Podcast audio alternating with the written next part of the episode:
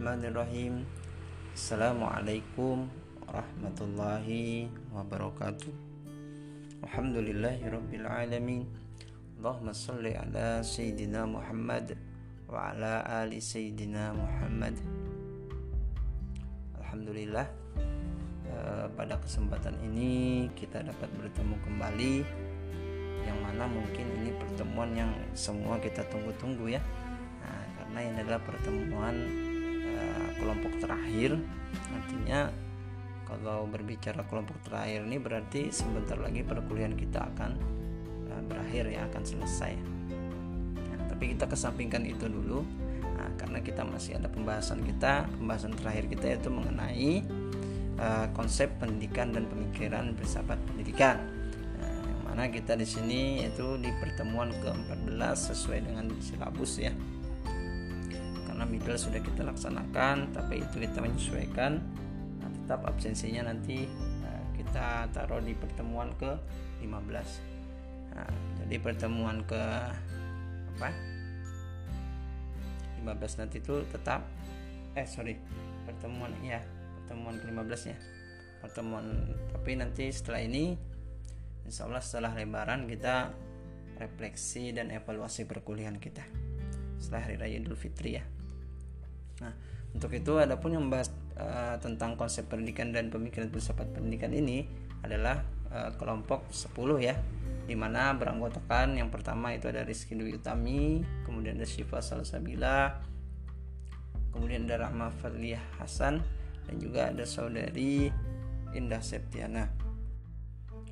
Di mana semuanya empat orang uh, putri ya semuanya Di mana dalam konsep pendidikan dan pendidikan filsafat pendidikan ini, di mana di sini ada konsep pendidikan Ki Hajar Dewantara, Riyarkara, Paul Freire, Ivan Illich, nah, dan juga ada pemikiran filsafat pendidikan, pemikiran pendidikan Imam Al Ghazali, Ibnu Khaldun, nah, pemikiran Kiai Hasim Ash'ari, dan juga ada pemikiran Kiai Kiai Haji Ahmad Dahlan. Nah, di mana uh, seperti sebelum-sebelumnya kita bacakan dulu berapa orang penanya artinya. Ya, artinya bapak mencatat nih siapa yang bertanya siapa yang menambahkan. Nah ya sudah bapak terima kasih kepada kawan-kawan ya yang sudah uh, mengikuti sesuai kesepakatan kita perkuliahan kita di awal-awal. Adapun uh, perwakilan kelompok pertama yaitu ada saudari Nanda Hasifa bertanya apa maksud dari pelaksanaan pendidikan berdasarkan akal manusia yang berkembang dan dapat dikembangkan pengembangan kemampuan berpikir manusia secara sengaja. Bisa kalian berikan contohnya. Kemudian juga perwakilan dari kelompok dua ada Rida Amalia ingin bertanya. Dalam empat jenis learning web yang membentuk sebuah learning network dan terdapat jenis yang pertama itu ada ensiklopedia. Tolong jelaskan yang dimaksud dengan ensiklopedia. Hmm, apa ini ya? Maksudnya nanti kita hubungkan dan juga ada Abdul Wahid bertanya jelaskan yang dimaksud dengan memasukkan manusia dalam lingkup hidup manusiawi dalam proses pemanusiaan. Nah, artinya manusia kan manusia ya. Oke dan juga ada bertanya di sini apa yang dimaksud dengan filsafat pendidikan tertumpu pada pandangan naturalisme positivistik atau naturalisme berdasarkan ilmu? Pertanyaan dari kelompok 4 yaitu dari saudari putri Kemudian selanjutnya perwakilan dari kelompok 5 itu ada Nurjatil Hasanah bertanya Volver sini bertanya uh, salah satu tokoh pendidikan yang diakui dunia karena prestasinya sebutkan prestasi-prestasi apa saja dimiliki, dimiliki Volver. Nah, selanjutnya ada Nina Suhartini bertanya mengapa konsep pendidikan Ki Hajar Dewantara sangat bagus dan sesuai dengan kebutuhan pada masanya dan bagaimanakah konsep uh, pendidikan Ki Hajar Dewantara ini. Nah, selanjutnya itu ada Shirley Martina Ikan Nugraha bertanya perwakilan kelompok 7, apakah konsep pendidikan itu sangat penting? Lalu apa yang terjadi jika tidak ada konsep pendidikan itu? Nah, selanjutnya ada perwakilan dari kelompok 8 ada Henina Rinti bertanya apa yang melatar belakangi antara konsep pendidikan dengan filsafat. Oke. Okay dan terakhir itu pertanyaan dari saudara Muhammad Firdaus Razak ya bertanya Polver dalam konsep pendidikan dan metode pendidikan itu menggunakan pendekatan kultural dan proses dialogis pendekatan seperti apakah yang dimaksud di atas dan seperti apa proses dialogis tersebut? Oke terima kasih kepada kawan-kawan yang sudah kiranya perwakilan kelompoknya bertanya.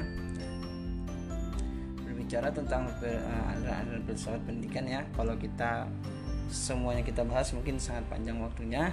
Uh, mungkin kita uh, kita ambil saja pemikiran-pemikiran uh, yang yang nyata ya yang artinya bukan nyata maksudnya yang sering kita dengar misalnya pemikiran Kiai Kiai Haji Hasyim Asyari dan Kiai Ahmad Dahlan.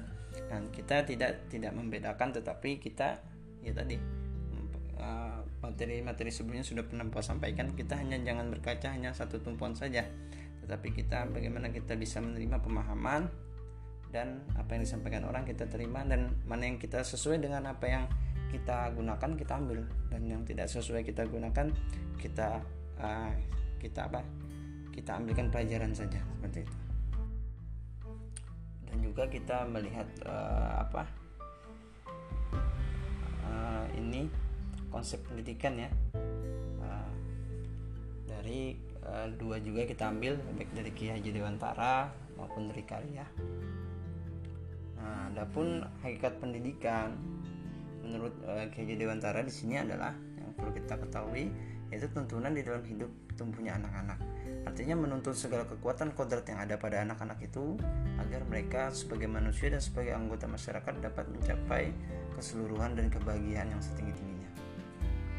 Artinya seorang pendidik hanya dapat menuntun tumbuhnya atau hidupnya ke, uh, apa kekuatan-kekuatan itu juga agar dapat memperbaiki tingkah lakunya bukan dasar hidupnya saja. Tetapi tumbuh kembangnya. Hal ini dianalogikan dengan uh, apa ya artinya misalnya seorang petani yang hakikatnya dan kewajibannya sama dengan seorang pendidik. Seorang petani hanya memperbaiki tanah memelihara tanamannya memberi pupuk dan air uh, memusnahkan hama-hama mengganggu hidup tanamannya itu dianalogikan seperti itu oleh Kiai Dewantara nah, tetap, tetapi tidak apa hasilnya tidak mengubah kodrat irodatnya padi. Nah, nah sedangkan uh, Kiai Dewantara di mana? Konsep pendidikannya sangat menonjolkan pendidikan humanis hampir seluruh konsep pendidikannya berpusat pada manusia sebagai makhluk yang merdeka Hakikat pendidikan adalah kemerdekaan manusia, walaupun pada awalnya tujuan pendidikan bagi Ki Hajar Dewantara ini terkait dengan nasionalisme yaitu sebuah upaya mencerdaskan rakyat untuk memiliki supaya memiliki kesadaran merdeka dari penjajahan Belanda. Nah, tetapi kemerdekaan yang dimaksud Ki Hajar Dewantara ini adalah merdeka dalam arti luas. Bisa dikatakan seperti ini bahwa bahwa mendidik mendidik anak itu adalah mendidik rakyat.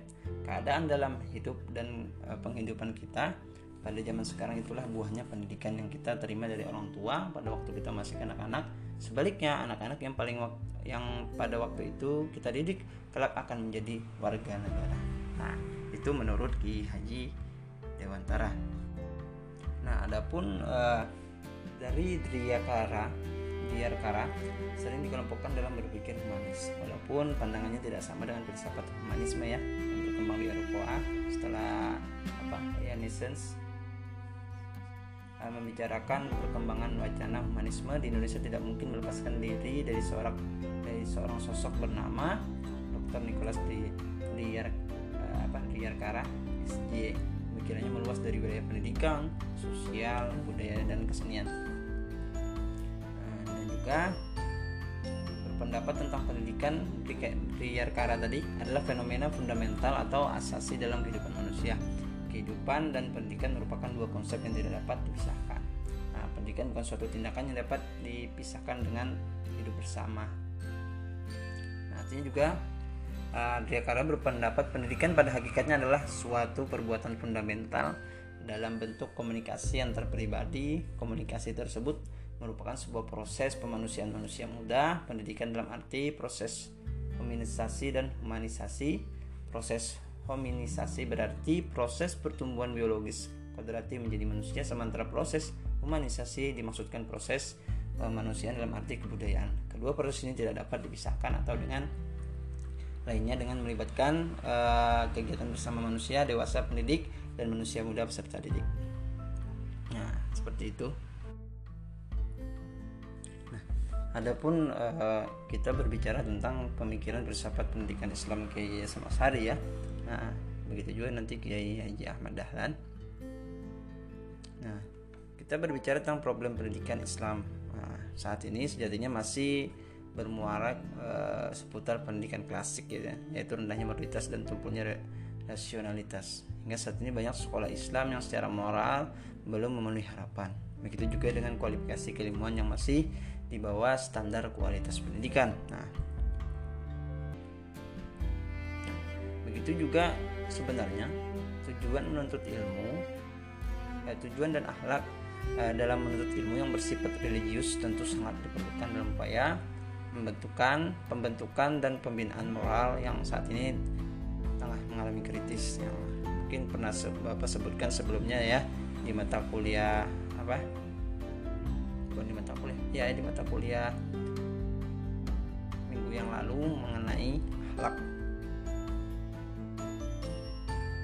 Nah, artinya tujuan menuntut ilmu sesungguhnya ialah hanyalah untuk mencari ridho Allah akan tetapi pandangan sebagian masyarakat yang menganggap bahwa menempuh pendidikan adalah untuk mendapatkan pekerjaan dan kedudukan semata. Tujuan akhir pendidikan dalam Islam adalah menghasilkan manusia yang baik. Misalnya konsep manusia yang baik berarti tepat sebagai manusia adab dan meliputi kehidupan material maupun spiritual. Nah, pemikiran Kiai Haji Mas Hari bisa kita katakan apa namanya? Untuk lebih jelasnya mengenai konsep pendidikan pemikiran pusat pendidikan Islam menurut Kiai Haji Nasari nah, beliau kan juga kita lihat banyak karangan-karangan buku beliau. Nah, alangkah baiknya kita juga uh, itu sangat penting sekali ya. Nah, pertemuan-pertemuan terakhir ini Bapak anjurkan juga sering-seringlah uh, membaca apa saja uh, baik biografi kah atau uh, pokoknya berkenaan dengan pendidikan apalagi yang berhubungan dengan uh, perkuliahan kita. Begitu juga nanti ke depannya makanya Bapak selalu menerapkan bagaimana menulis juga otomatis pasti akan membaca ya. Nah adapun pemikiran uh, pemikiran filsafat pendidikan menurut Kiai Ahmad Dahlan ya. Di mana uh, menurut Kiai Ahmad Dahlan pendidikan hendaknya diarahkan pada usaha bentuk manusia muslim yang berbudi pekerti luhur, alim dalam agama, luas pandangan dan paham agama ilmu keduniaan serta bersedia berjuang untuk kemajuan masyarakatnya. Nah, tujuannya apa? Tujuan pendidikan tersebut merupakan pembaharuan dari tujuan pendidikan yang saling bertentangan pada saat itu yaitu pendidikan pesantren, pendidikan sekolah model Belanda. Nah, pada masa-masa itu di mana beliau itu uh, memperjuangkan melalui ini ya itu ada pesantren Belanda nah, pada zaman itu. Sehingga alhamdulillah sampai sekarang pesantren itu ya tidak lagi lah yang seperti itu. Kemudian juga eh, artinya waktu zaman itu di mana pendidikan pesantren itu hanya bertujuan untuk menciptakan individu yang soleh dan mendalami ilmu agama.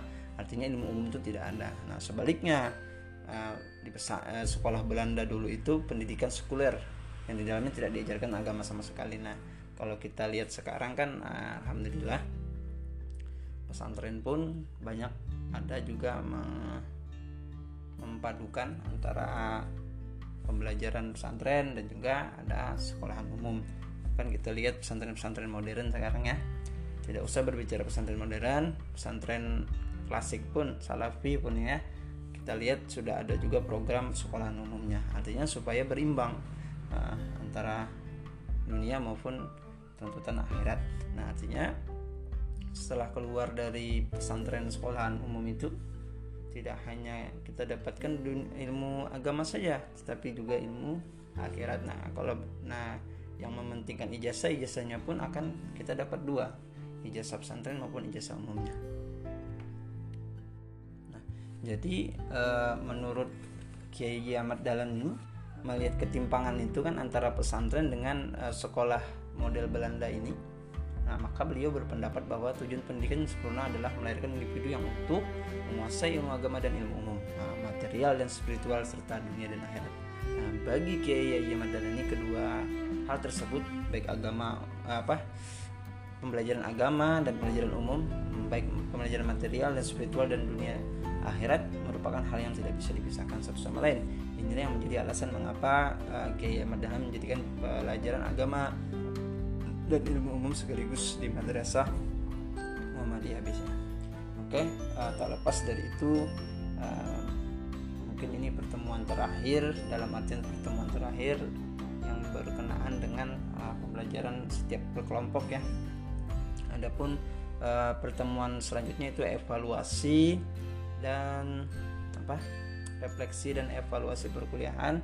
Semoga kita dapat bertemu lagi di pertemuan selanjutnya kita akan uh, setelah hari raya ya insya Allah setelah hari raya Idul Fitri kita akan ada refleksi dan evaluasi perkuliahan nah untuk itu silakan jangan lupa uh, tugas-tugasnya tugas mandirinya diselesaikan nanti kita akan bapak siapkan nanti Google Formnya insya Allah nanti di saat refleksi dan evaluasi perkuliahan bapak sampaikan mungkin uh, hanya ini yang bisa bapak sampaikan dan sekali lagi uh, Bapak ucapkan terima kasih kepada seluruh kelompok dari kelompok 1 dan kelompok 10 serta uh, penanya baik uh, baik yang bertanya maupun selalu memberikan tanggapan dan itu semuanya terekam di di mana?